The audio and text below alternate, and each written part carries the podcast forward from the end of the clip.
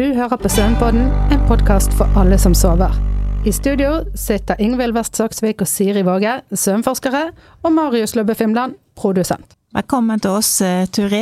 Tusen takk. Du er psykolog Ja. og eh, småbarnsmor med en haug med barn. En haug med barn, fire Ja, så stykk. dette kan du både kjent på kroppen og faglig sett.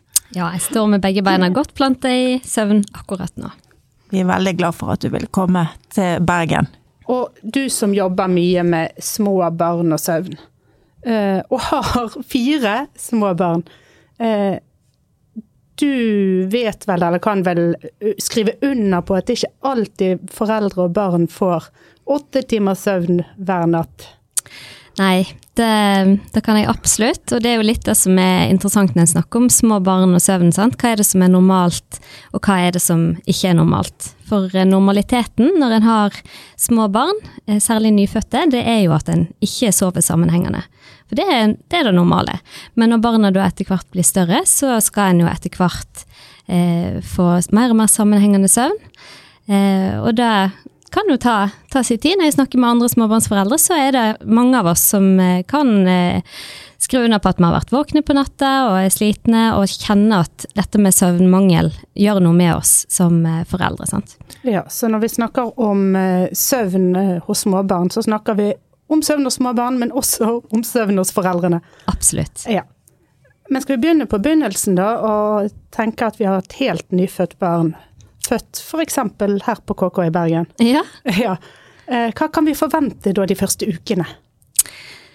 Nå har, eh, nå har jeg en eh, halvt år gammel baby sjøl, så nå må jeg liksom spole litt tilbake. Og det er jo litt sånn at når en er eh, nybakte foreldre, kanskje særlig førstegangsforeldre, så er jo alt nytt. Og her får du eh, har hun gått igjennom et svangerskap som kanskje har vært krevende, også en fødsel som for veldig mange kan være veldig krevende, særlig første gangen. Eh, absolutt de andre gangene òg, men særlig som førstegangsforeldre. da, Og så kommer den tida etterpå, altså barseltida, nesten litt sånn eh, som et slag i trynet på mange. At en hadde forberedt seg så godt på fødselen, og så hadde en glemt litt tida etterpå. Og dette her med, med at en eh, får veldig lite søvn. Eh, barnet kan sove godt akkurat den første dagen, og så eh, begynner dette her med at barnet skal ha mat. Og hvis en skal amme, så er det òg en stor prosess for veldig mange. Så det kan bli veldig overveldende når det er eh, et nytt liv. Det er store omveltninger, særlig for mor, men òg for, eh, for partner. Eh, og dette her med søvn kommer på en måte som en sånn lokk sant? som legger seg. For vi vet jo alle hvordan vi da fungerer på lite søvn, kan slå ut eh, den beste toppidrettsutøver.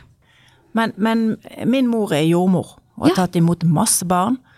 Eh, og hun er litt sånn eh, Det er jo jobben deres. Altså, de må ikke være så opphengt i at alt skal skje liksom etter boken. At alle skal sove og alt skal funke helt med en gang. Fordi at når du nettopp har født, så har du også hormoner i kroppen som gjør at du skal kunne tåle å være våken eh, på natten, for eksempel, for å gi barnet mat og, og Absolutt. Og det er jo det som er så fantastisk med særlig mødre som har født at en får jo så god hjelp av disse hormonene. Og, og amming òg er jo eh, Det skilles jo ut sånn søvndyssende hormon når en ammer på natta, sånn at det er lettere for en sjøl eh, å sovne igjen. Eh, Som mamma. Så en får mye hjelp av biologien, absolutt. Men for noen foreldre så tror jeg dette kan bli veldig sånn overveldende. Um, og da er det viktig å huske på at dette er helt normalt. Det er helt normalt at eh, det skal gå seg litt til, og det er hyppige oppvåkninger. Eh, for barnet må ha godt med mat. Ja. Så har jo du sagt en gang før at eh, barn har ingen døgnrytme. Stemmer ikke det? Du følger godt med, du, Marius. Ja. Altså, barn blir født uten døgnrytme. Og da kan vi ikke forvente eh, Hvis de skal sove 14 timer i døgnet, så kan ikke vi forvente at de klarer å gjøre det sammenhengende. De sprer det utover 24 timer. Og så er det vel begrenset hvor lenge Hvor lang tid det går før man blir sulten når eh, det er morsmelk det er snakk om som næring. Ja, ikke sant, og den lille magesekken og Så det er jo hyppige matinger. De sier vel hver andre eller tredje time, litt avhengig av fødselsvekt. da. Og det er jo her det på en måte oss som foreldre sin viktige oppgave å hjelpe barnet vårt. sant? Å lage en sånn god rytme, at det blir forutsigbart med spising og soving. At ikke barnet er for lenge våkent om gangen, så blir overtrøtt. Eh, og det er jo òg eh, dette med våkenvindu som jeg er ganske opptatt av, hos, særlig hos eh, de små barna, men òg de som blir litt eldre. Da. Eh, altså Et nyfødt barn er våken toppen en halvtime, og på den halvtimen så skal barnet spise, skifte bleie, ha litt kontakt sant, og samspill, og så er det på en måte rett tilbake i soving igjen. Våkenvindu. Ja. Ja, kan, kanskje du forklarer litt mer hva du mener med våkenvindu? Ja, eh, for ofte er vi så opptatt av hvor lenge skal barnet sove, sant. Eh, og vi har sånn statistikk på eh, når barnet er nyfødt, så skal de sove liksom mellom 15 og 17 timer i løpet av et døgn, og da er det jo ikke sammenhengende sånn som vi snakker, men da er det jo oppbrutt i mange små søvnfaser, da. og så blir det jo mer sammenhengende etter hvert. Men jeg er veldig opptatt av disse våkenvinduene innimellom. Fordi eh, det går en sånn syklus, sant? at barnet våkner etter en eh, soveperiode. Da eh, begynner på en måte våkenvinduet. Og for nyfødte så er det maks en halvtime. Og så er på en måte søvntrykket så høyt at barnet vil sove igjen. Og skal sove igjen. For det, sånn er, er den normale utviklinga. Mens når barnet blir eh, tre måneder, eller seks måneder, sånn som mitt barn nå, så er våkenvinduet plutselig på to og en halv time før barnet mitt skal sove igjen. Eh, og da er jeg veldig opptatt av hva er det som skjer i det våkenvinduet, sånn at vi klarer å fylle opp eh, søvntrykket for at det skal være logisk òg for barnet å sovne igjen i senga si eller i vogna. Um, og da vet vi jo masse med Dette med dagslys er jo viktig, men òg at barnet får et godt måltid, og at ikke barnet småspiser. For det er sånn, en stor utfordring som jeg har blitt mer og mer obs på etter hvert som jeg har fått og mine fire barn. Eh, at på mine første barn så eh, småspiste barna. på en måte. De lå ved brystet hele tida, og så sovna de. Og det er veldig normalt. Men da fikk jeg litt sånn tips at ta og kle av barnet, sånn at barnet får et skikkelig godt måltid på begge brystene. Sant? Da får du både stimulert melkeproduksjon hos mor, men du får òg holdt barnet våkent, sånn at barnet blir godt og mett. Og så er barnet våkent i kanskje fem-ti minutter for samspill, og så er det på en måte klart for å sove igjen nesten med en gang etterpå. Og da får du litt sånne fulle måltid, i stedet for at du fort kan gå i den eh, at det bare blir liksom Barnet ligger på brystet hele tida, spiser hele tida. Mor kan bli utslitt, for barnet sover jo bare på mor. Eh, så det er det jeg mener med våkenvindu, at en prøver på en måte se eh, litt sånn rekkefølgen på når ting skjer i dette våkenvinduet, da. Kle av barna, altså. Kle av barna. Få de litt sånn Kalle skift en bleie, sant. Det er en pause i matinga, skift en bleie sånn at barnet våkner igjen, så kan du legge det til igjen. Så det er altså kalddusj? Rett og slett. Ja, ja. Ja, altså ikke bokstavelig talt kald Nei, nei, men men, ja. men tilsvarende for små barn. Da. Og dette her med rekkefølgen, sant? at når barnet eh, akkurat har sovet, så er barnet våkent og mest oppmerksomt.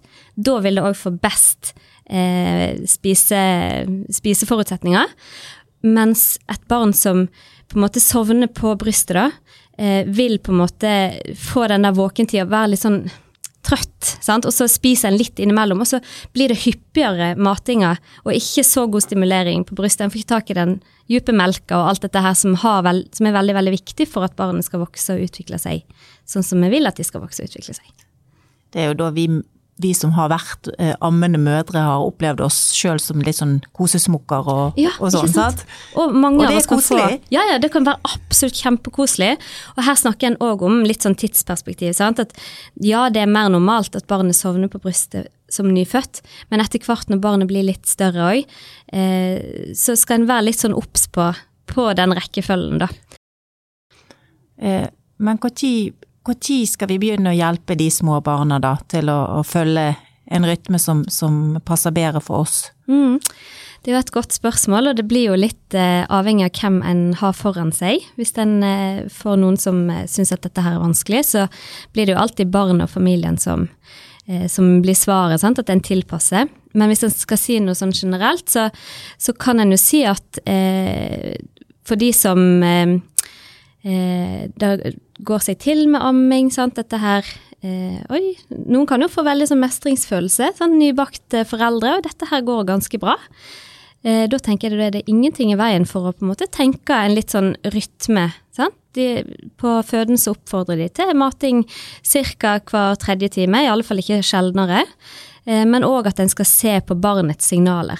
Og da tenker jeg er en av de store tinga som vi kan formidle til, til oss som er foreldre, det er at vi skal lære oss å tolke vårt barn sine signaler. Sånn? Når barnet mitt gir signal på, på sult, så er det mat som er trøsten. Når barnet mitt gir signal på at nå er jeg trøtt, da er det soving som er den beste trøsten, eller den beste eh, tingen vi kan gjøre for vårt barn. Og da er det jo viktig å på en måte tenke at disse veldig små barna er jo akkurat like individuelle som vi er. sant? Der er store forskjeller på hva som trigger det ene og det andre, og hva slags uttrykk disse barna gir. Ikke sant? Og alt er kanskje innenfor eh, et normalområde, da, hvis vi skal bruke sånne ord. Absolutt. Kan ikke du gi en litt sånn, idiot, litt sånn eh, idiotsikker eh, tidsforløp som funker for alle? Når Ja. begynner du å, å gi eh, Sånn idiotikertidsforløp Ja. i forhold til Nei, altså Når kan du eh, forvente at de begynner å sove lenger, lære ja. datt dag, sånne ting som det? Ja. Jeg tenker eh, allerede fra starten så er det veldig, veldig bra å innføre dette her med en forskjell på natt og dag. Sant? At, Jo, men, hva- eh, men hva er starten? Ja, eh, helt fra dag én. Nyfødt. Ja. Ja. Jeg er helt enig, eh, og jeg, jeg satt og brant inni meg Ja, nå. ja. For selv om vi skal lytte til barna sine signaler, så kan vi, når barnet våkner og skal ha mat om natten, så kan vi gjøre det i mørket.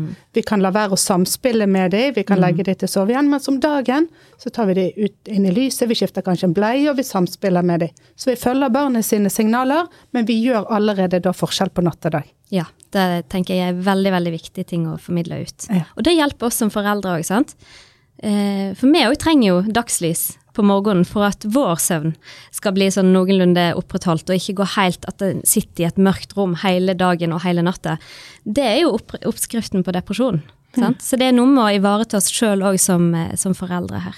Og så er det vel et poeng, i alle fall til, til veldig nybakte foreldre, at, at, at benytt sjansen til å sove når barnet sover, selv om det er på dagtid. Og det bryter jo med det vi ellers sier når, når det gjelder søvn, sant? Eh, men akkurat i den fasen så er det kanskje sånn at du som mor eller far eller eh, som forelder bør kanskje benytte de sjansene du har til å få deg en, eh, et lite stykke søvn, selv om det er på dagtid. Absolutt, og med god samvittighet. Sant? For noen av, av oss eh, foreldre kan på en måte se rundt oss og se at oppvasken står der, og eh, hybelkaninene vokser i størrelse. Sant? Men eh, den, en av de beste gavene vi kan gi til barnet vårt, er jo en uthvilt eh, forelder. Sant? Og samspillet med, med partner eller pappa til barnet, da, eh, vil jo òg få fram det beste i oss hvis vi klarer å, å få de der små avslappingene, eh, sovne når barnet allerede ligger og sover. Da.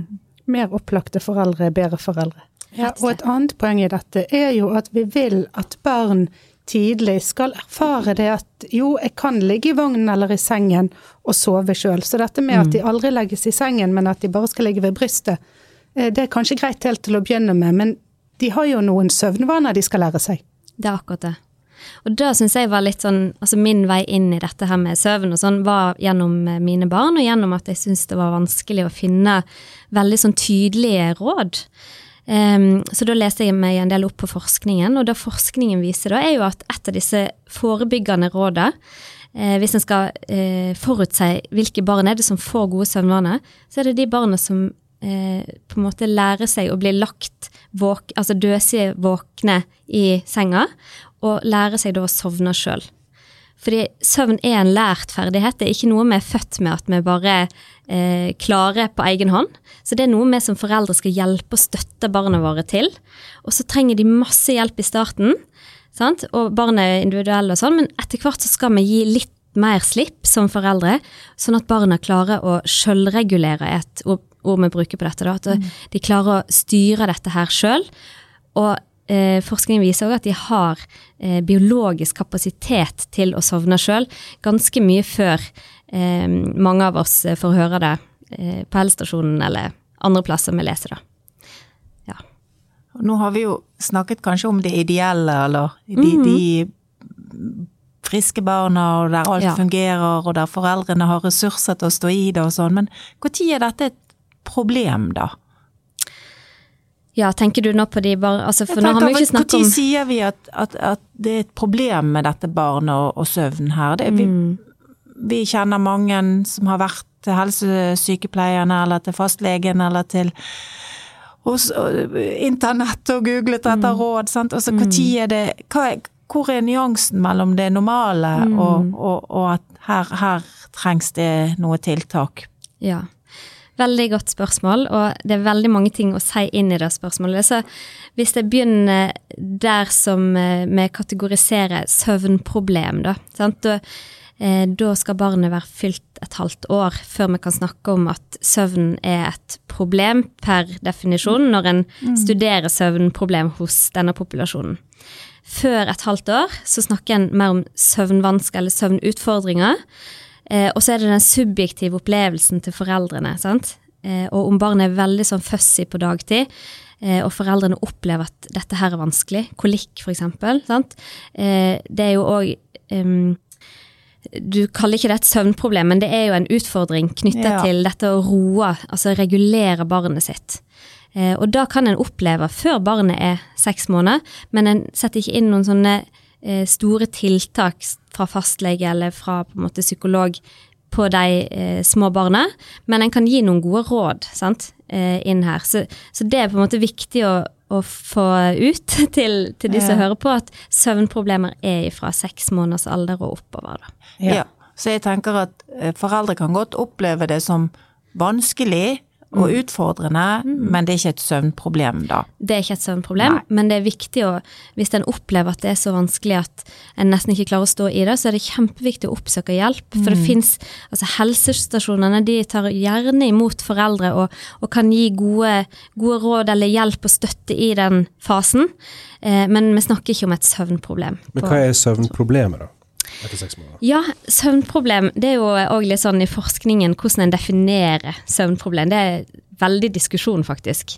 Um, og derfor opererer en òg med litt sånn forskjellige forekomsttall ut ifra hvilken definisjon en bruker. Men uh, hvis en skal si sånn den eh, overordnede definisjonen, da, så er det på en måte vedvarende vansker med enten innsovning, oppvåkning, eh, konsolidering, altså at søvn varer over lang tid, gitt optimale forhold eh, og støtte og alderstilpasning. Sant? Der kommer aldersdelen inn. Eh, og at det gir en sånn subjektiv vanske eh, eller synlig på dagtid. Sant? Så det er Akkurat jo sånn ikke helt ulikt en, en, en, et søvnproblem hos voksne, Nei. da. Det er veldig likt, og den der subjektive opplevelsen på dagtid.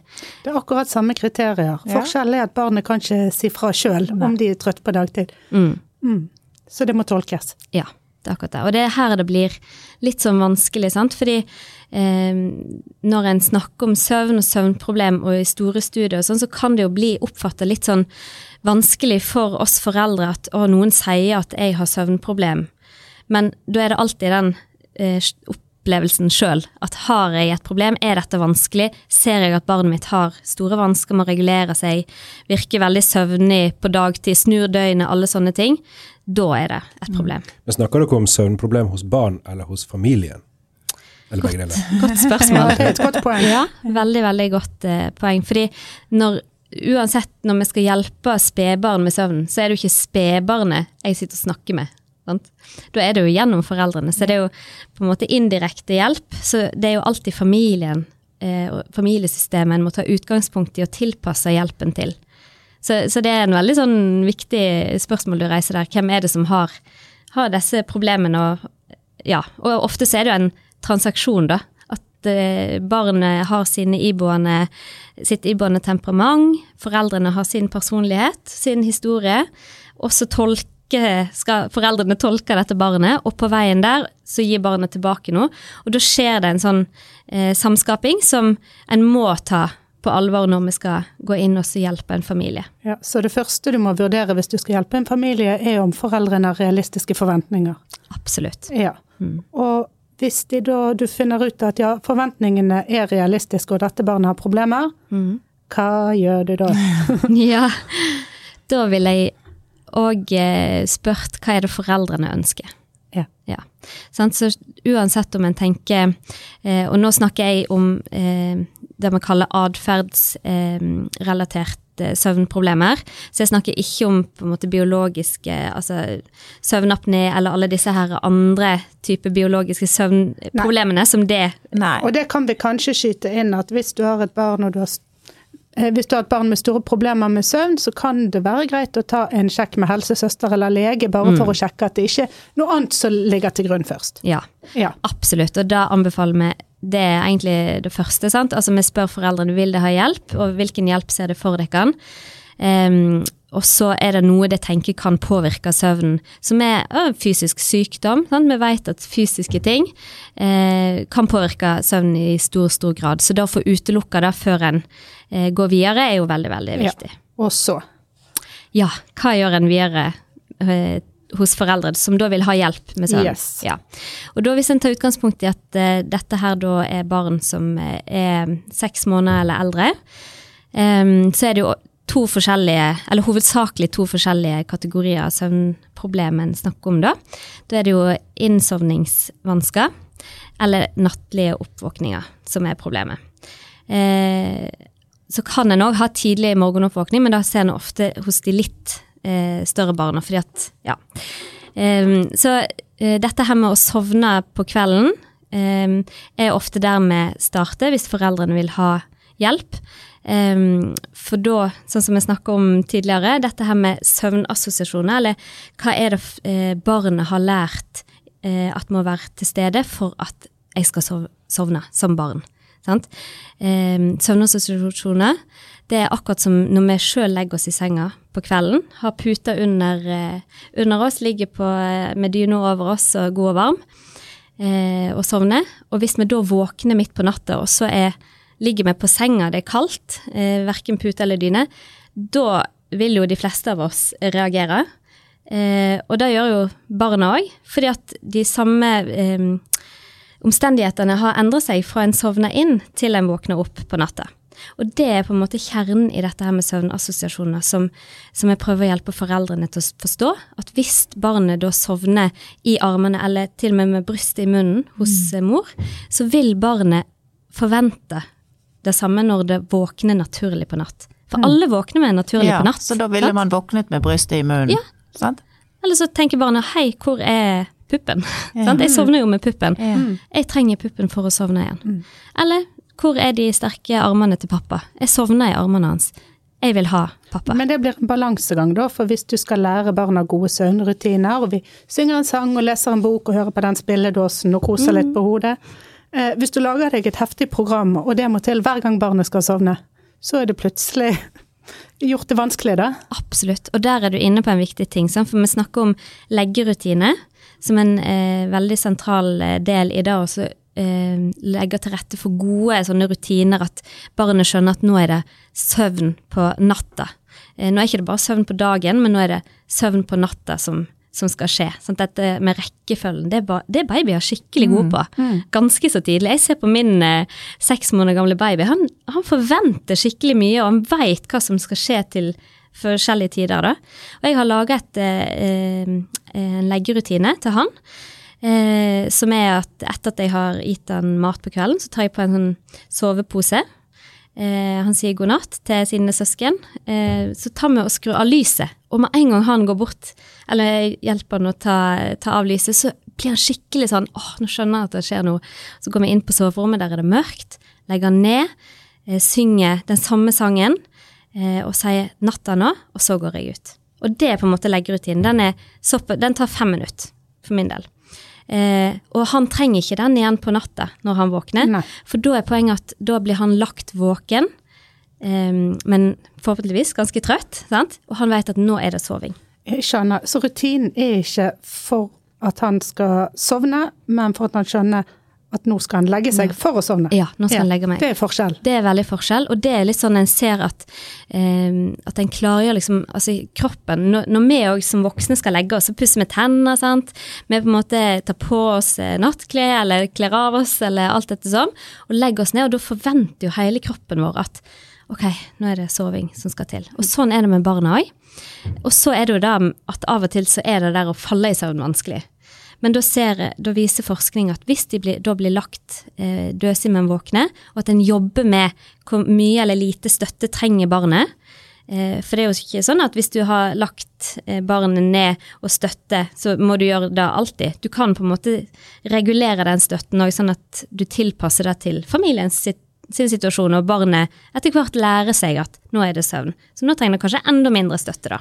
Men litt tilbake til den rutinen, da. For, Ja. for hvor mye Jeg blir litt sånn Hvor mye variasjon kan vi ha i den rutinen? Kan pappaen gjøre det samme? Kan en onkel gjøre det samme? Eller er det nødt for å være deg? Og er det sånn at det er et poeng å øve på at det er mange som gjør det for å kunne ha muligheten til å få en barnevakt en kveld, eller Ja, absolutt. eh, er det nødt for å være liksom veldig liten variasjon i, i rutinen, på en måte? Jeg skjønner jo at rutinen er rutinen, men Mm.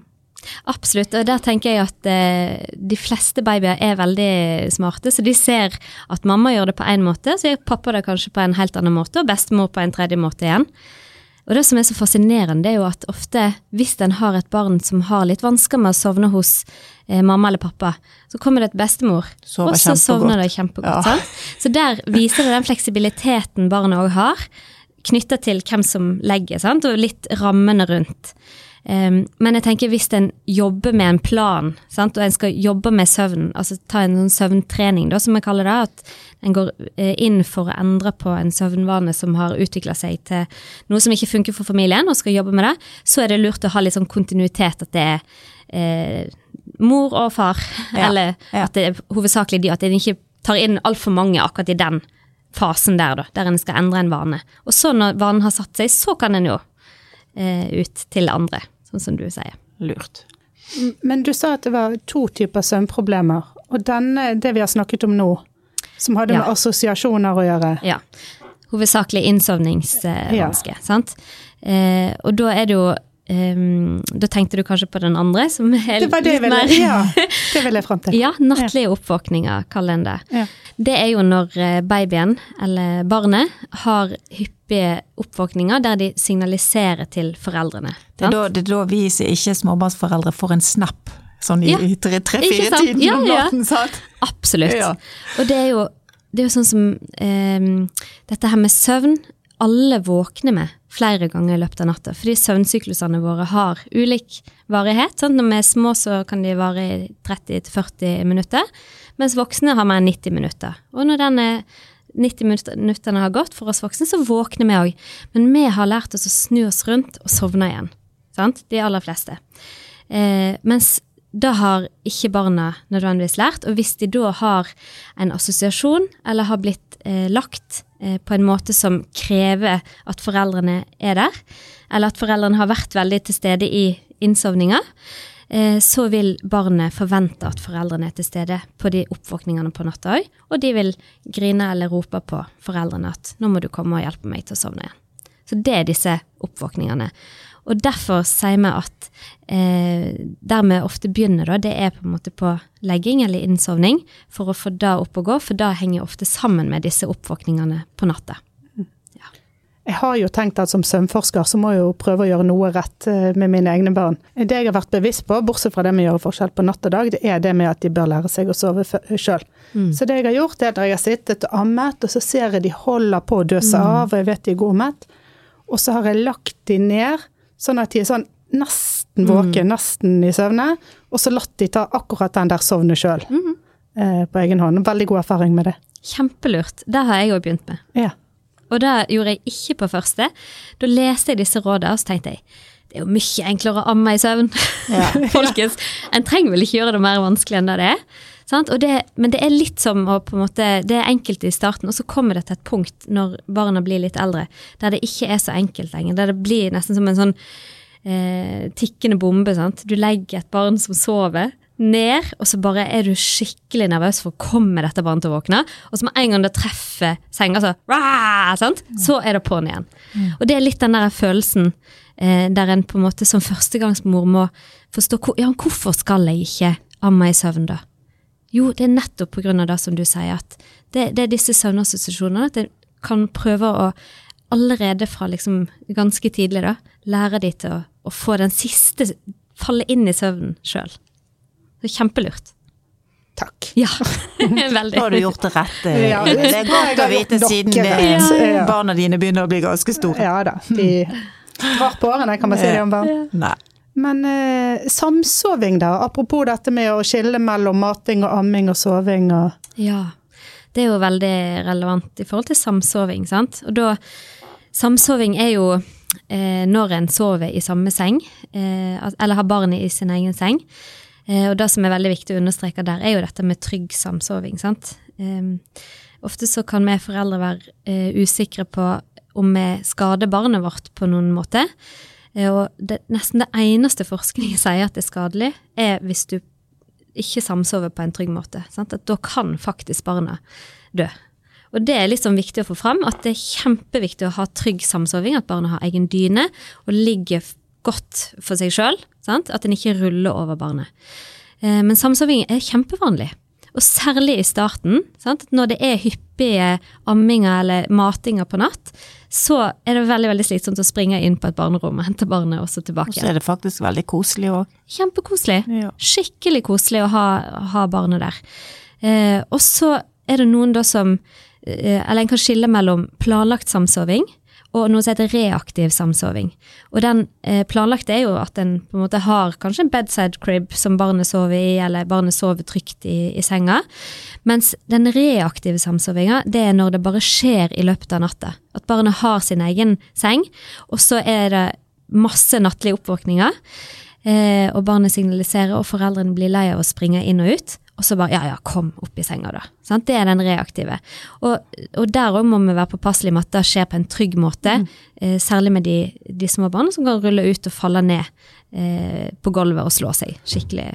Ja, eh, og så er det vel noe med Det er jo grådig vanskelig å holde seg våken når man ligger i sengen og ammer om natten, som mor. Ja, ja, ja. ja. Absolutt. Og da så, faller en tilbake i søvn og, og alt dette. Så det er jo derfor en på en måte må ha et sånn reflektert forhold til hvordan skal vi innrette oss som familie med soving. Eh, skal pappaen til barnet sove i samme seng, eller skal han ligge en annen plass, og så at senga i en fase blir for mor og barn. Og så etter hvert som barnet utvikler seg, og det kanskje bare blir eh, to eller tre amminger på natt, eh, så går det an å kanskje gjøre litt mer sånn strategisk, at en legger barnet over i en bedside crib, eventuelt flytte Sånn som for min del, da. Jeg sover veldig lett, eh, og det gjør jo de fleste mødre, så vi våkner fort hvis barnet eh, gråter litt i søvne, eller har her, denne aktive søvnen, sant, som er en veldig sånn gjenkjennbar hos de aller minste. 50% av søvnen til, til de aller minste er aktiv søvn. Og da ble jeg vekka så ofte, så jeg, jeg amma mye oftere enn det jeg hadde trengt. Så ble det bare sånn eh, sutteamming, på en måte. At barnet spiste ikke, men det ble bare en sånn smokk. Eh, så når jeg da flytta eh, mitt barn, som da var ja, to måneder, tror jeg, flytta utafor døra, så sov jeg litt bedre. Da våkna jeg ikke ved alle disse små knyster, men jeg våkna når barnet virkelig på en måte Nå vil jeg ha mat. Ok, da, da skal du få mat. Ja. Og, så, og da kan en jo òg sitte og amme sant, ute, hvis en vil ha en litt sånn jeg orker ikke å ha barnet i senga-holdning. Eh, og det er helt greit. Eller en kan ligge og amme. Så det er jo litt hva en ønsker sjøl, da. Ja. Og nå når du snakker om dette, så får jeg litt sånn spørsmål, for det at mange lurer jo på når er det greit å putte en baby inn på et eget rom, øh, og så vil man ha en fasit. sant? Er det, er det fra dag én? Er det nei, de skal ikke ligge på eget rom før de er så og så gammel? Altså, da hva, har du jo hva vil ditt råd være? Du har jo dette her med krybbedød, sant. At eh, da er det anbefalinger knytta til det. Eh, og, og da vil mitt råd være at eh, se, se litt på situasjonen. Sant? Hvilke type hus har du? Har du ett soverom, så må en jo ta utgangspunkt i det. Men har en, eh, har en to soverom som er ganske nær, at du hører barnet ditt, eh, så jeg har personlig da tatt eh, barnet mitt ganske tidlig ut av mitt eget rom. Og jeg tenker vi gjør det ofte for seint, i forhold til å innarbeide litt sånne vaner på natt, og at mødre ofte våkner veldig tidlig, og, eller og våkner veldig lett, og ammer veldig eh, fort, på en måte. Eller at amming blir på en måte den løsningen. Og så var kanskje barnet bare i den aktive søvnfasen og var på vei over en ny søvnsyklus, og så begynner vi å avbryte litt barnets søvn, fordi at vi tenker åh, jeg må bare få det unnagjort. sant? Og så blir det kanskje ti amminger på natt. Og da tenker jeg at det er, det er veldig sjelden at et barn som er tre måneder, trenger ti amminger på natt. Ja.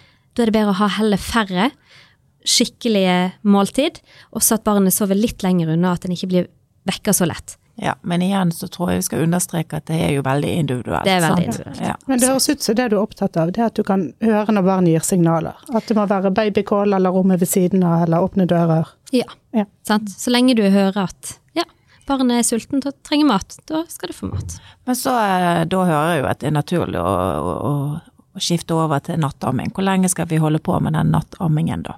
Ja, jeg har akkurat vendt av eh, min sjøl nå. Gratulerer. Ja, det er luksus, sant? Det er veldig, veldig deilig, og det er jo en sånn prosess. Men jeg har lyst til å formidle at av og til så undervurderer vi de litt. Og det går fint an å av, eh, avslutte nattamming, særlig ved et halvt års alder. Da, da er det på en måte, da snakker helsestasjonene òg om dette her med fast føde, sant, og at en får, så lenge barnet da får eh, godt med mat på dagtid, eh, så viser det seg òg at ved den alderen seks-sju måneder, så, kan, så begynner noen barn med sånn reverse cycling. At de snur, at de spiser enda mer på natt. Det blir hyppigere oppvåkninger, derav nattlige oppvåkninger, som du spurte om i stad, med, med sånn søvnproblem, da. Eh, og da spiser de mindre på dag. Sant? Og det har vi jo ikke lyst til, for vi vil jo at de skal spise på dag, og så skal de sove på natt. Så det er òg en sånn viktig ting å vite at det er en normal utvikling som kan skje.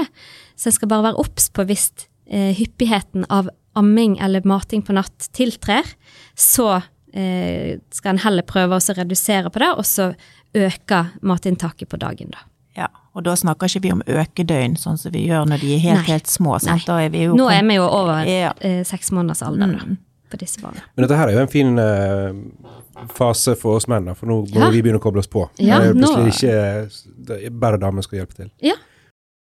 Ofte så er fedrene veldig, veldig viktig å ha når en skal avvenne nattamming. Um, sant? Eh, en kan gjøre det på forskjellig måte, men veldig mange eh, Noen som gjør det på en måte kort prosess, og hvis barnet nærmer seg et år eller sånn, så vil det at pappa kanskje tar den avvenninga i starten, være en veldig, veldig hjelpsom ting for mor.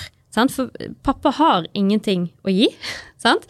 Mens eh, oss mødre vi kan bli på en måte så frustrert at hvis vi liksom får nok, så ja vel, da. sant? Ta den puppen, da. Der har vi vært. Ja, sant? Veldig mange av oss har vært der. Så vi bare liksom heier opp fedrene sitt bidrag inn her på søvn. Ofte så er fedrene òg eh, kanskje enda mer sånn framoverlente på å få til eh, åh, vi må ta tak i dette med søvn, og, eh, og kanskje ha den gutsen som skal til å hjelpe på en måte paret, eller foreldreparet, til å få, få dette til, til å gå, gå i stand.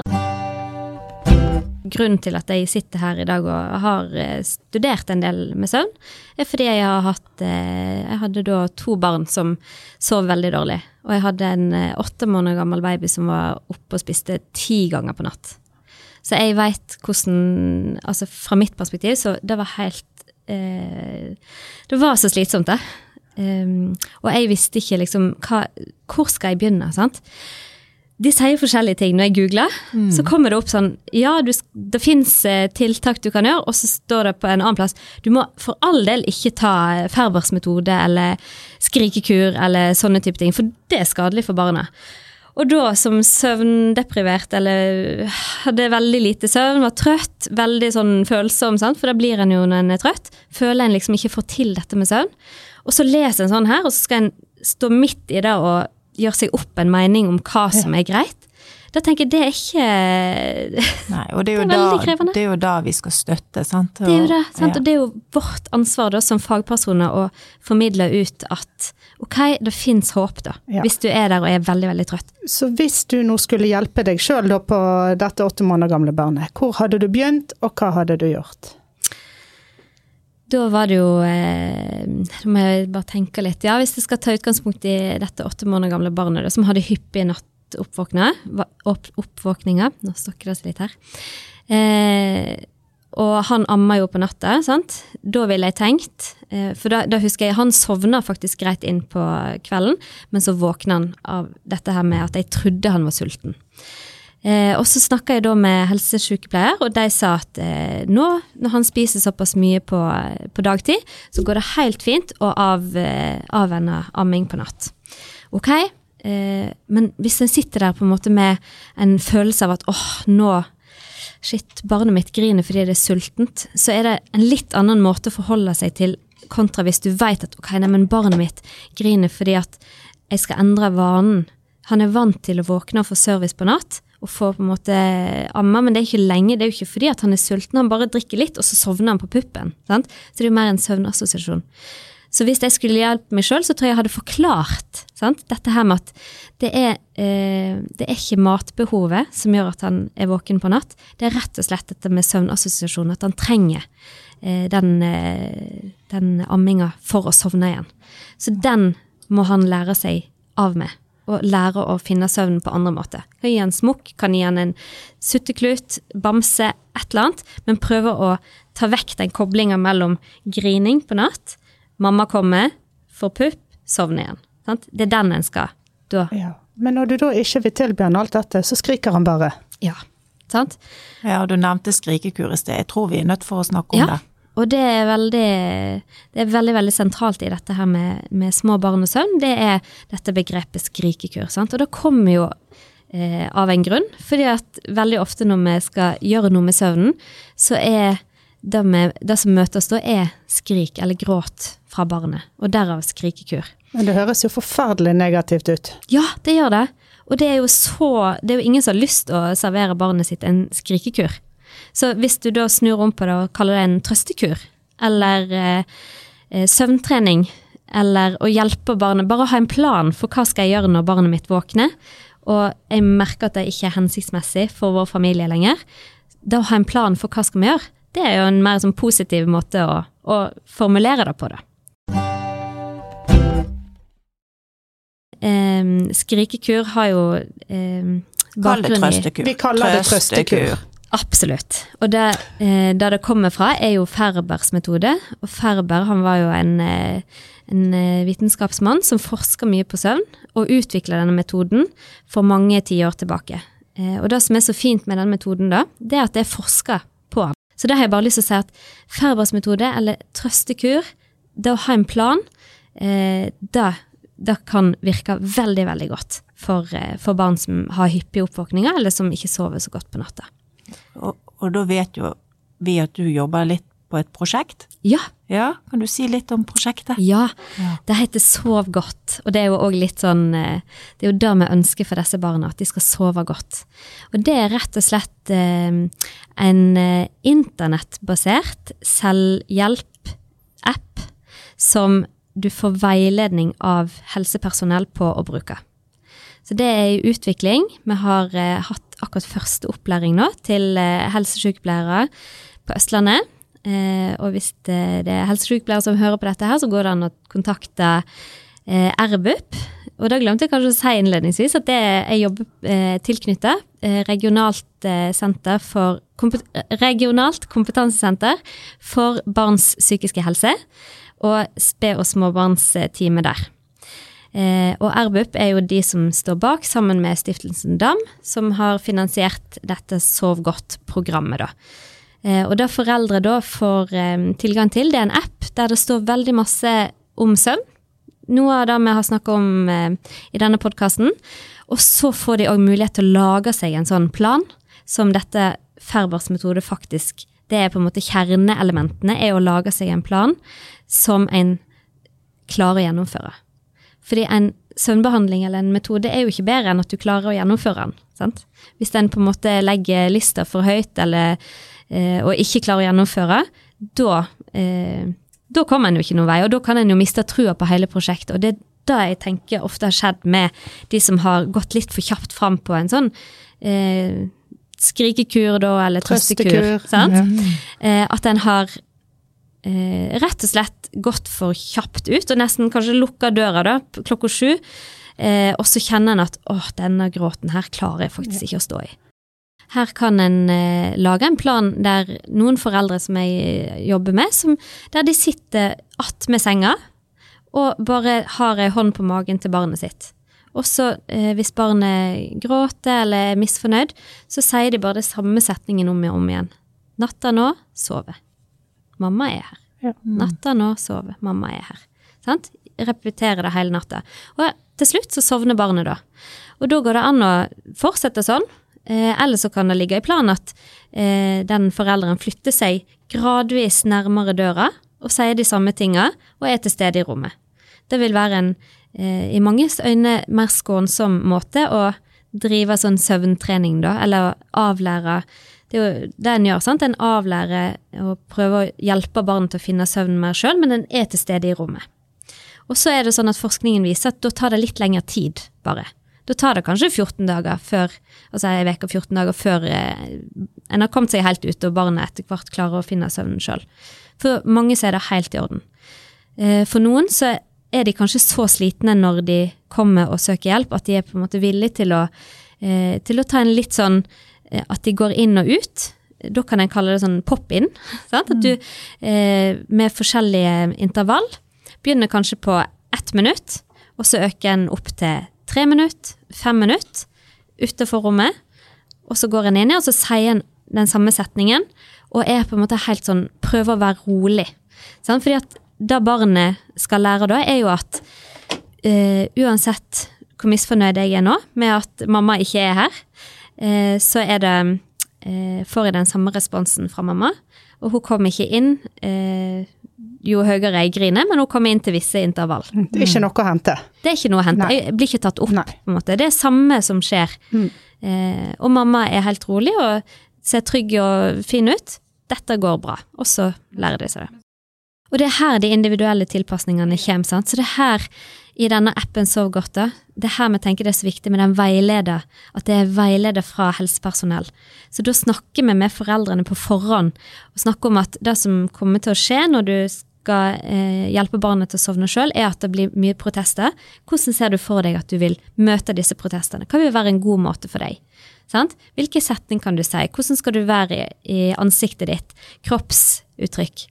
Og det jeg ofte eh, pleier å bruke som en sånn hjelpemiddel, et sånn bilde, da, det er at hvis du sitter på flyet, eh, og plutselig blir det masse turbulens?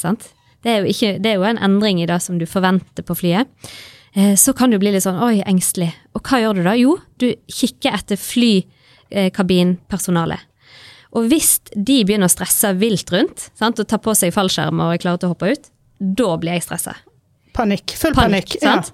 Men hvis jeg ser at flypersonalet fortsetter å helle oppi kaffe og skjenke og, og gå i, imellom setene, da tenker jeg ja, men dette er jo helt normalt. Selv om det er endring. Eh, ting er ikke sånn som jeg hadde. Nei, men dette, dette går fint. Jeg stoler på de. Så slapper jeg mer av. Og det viser òg noe sånn, Litt sånn er det med baby òg. Ja. At de ser på oss for å se Er det greit, mamma? Er det greit, pappa? Ja, OK. De er rolige. Ja, men da Da blir jeg jo rolig. Veldig godt poeng. Det var jo et fint, en fin, eh, et fint bilde for, for, eh, for folk å forstå at det er kanskje den type respons vi prøver å, å fremkalle, da. Ja, ikke sant? Men, men nå tror jeg mange som hører på podkasten vil, vil lure på om denne appen er for, for meg. Kan jeg bare finne den? Kan jeg søke den opp i AppStore, eller hvordan funker det? Ja, dessverre. For det som eh, er med denne appen, er at det er på indikasjon, da. Som vi kaller at du må gå til helsestasjonen, eh, og helsestasjonen må ha fått opplæring. Og de må ha fått tilgang eh, til denne appen, så det er via helsesykepleier eller eh, psykolog i førstelinjetjenesten i kommunen, da. Du Ja. kan få denne appen. Men målet er jo at dette skal Målet er at dette skal ut og tilbys til alle. ja. Men det var trøstekurene. Er det det eneste verktøyet helsesøstrene eller du har i, i verktøykassen, eller er det andre metoder man kan bruke for å hjelpe barna å sove bedre? Det er mange metoder en kan eh, bruke for å, å hjelpe barn å sove bedre. Eh, dette med trøstekur det er den som er forska mest på, men det fins andre. Eh, F.eks. noe som heter bedtime fading, eh, og fastsatte oppvekkinger. Eh, og dette med bedtime fading, det er jo eh, akkurat som i behandling av voksne, så holder en eh, barna eh, oppe fram til de blir så trøtte at de vanligvis sovner. Sånn At hvis du legger et barn da klokka sju, og så sovner ikke barnet før klokka ti på kvelden, så er det bedre å da holde barnet våkent til klokka ti, og så legger du barnet når det vanligvis sovner, for å på en måte få nok søvntrykk, og at senga blir et godt sted å være. Ja. Det kjenner vi jo igjen fra voksne òg, at eh, dette med å legge seg i sengen for å sove når man ikke er trøtt, eh, gir søvnproblemer, mens mm. det å assosiere sengen med 'åh, oh, her mm. får jeg sove', er en god ting. Og det tenker jeg er så viktig for oss foreldre òg, at vi snakker om dette å sove og senga til barna som et godt sted. At vi aldri bruker det som straff, at 'nå var du så slem at nå må du gå og legge deg'. Men dette 'å, nå skal du få lov å legge deg', mm. å, kjenn den gode senga, så heldig du er. Snakke positivt om, mm. om senga. Veldig, veldig viktig. Og det, da kommer vi òg litt inn på dette her at eh, barna må være trøtte når de blir lagt. sant? Og da henger jo det sammen òg med dagtidssoving, at de sover passelig på dagen. Og det er jo en sånn eh, kontinuerlig utfordring, for når du som, som småbarnsforelder med en eh, fire måneder gammel baby da, endelig har knekt koden på disse tre sovingene, så plutselig så skal en gå ned til to sovinger. sant? Og litt eh, dette med barnehagebarn som òg begynner å ikke vil legge seg på kvelden, så skal en kutte ut soving. Så dette med soving på dag og soving på natt henger veldig, veldig tett sammen. Eh, også den eh, siste metoden som en har, det er fastsatte oppvekkinger. Eh, da snakker en òg om dette med eh, hvis en har hyppige oppvåkninger på natt, eller en skal avvenne nattamming, så går det an å bare få kartlagt når er det barnet faktisk våkner. Hvis barnet våkner klokka to og klokka fem, så går en inn og vekker barnet eh, klokka halv to. For da bryter en den biologiske oppvåkninga, og så enten gir en barnet eh, litt mat, eller en bare trøster barnet til det sovner igjen. Eh, og så vekker en barnet igjen klokka halv fem. Og så gjør en sånn en eh, fem Eh, dager. Og så slutter en å vekke barnet da klokka halv to. Så sover barnet igjennom. Så vekker en barnet klokka halv fem. Og så siste dagen så sover barnet gjennom hele. Det er òg en metode. Det er bare forska litt mindre på den, så derfor er den litt mindre kjent. Ja, Men da er tanken å bryte det mønsteret som barnet er inne i, sant? Ja, ja. det er det. Så, og det er en litt mer skånsom måte. Sant? Så foreldre skal vite at det er flere måter en kan både avvenne nattamming og en kan jobbe med nattlige oppvåkninger på, enn en eh, eller trøstekuren. Tusen takk, Turi, for at du tok turen til Søvnpodden. Tusen takk for at jeg fikk komme. Du har hørt en podkast om søvn fra Helsebergen.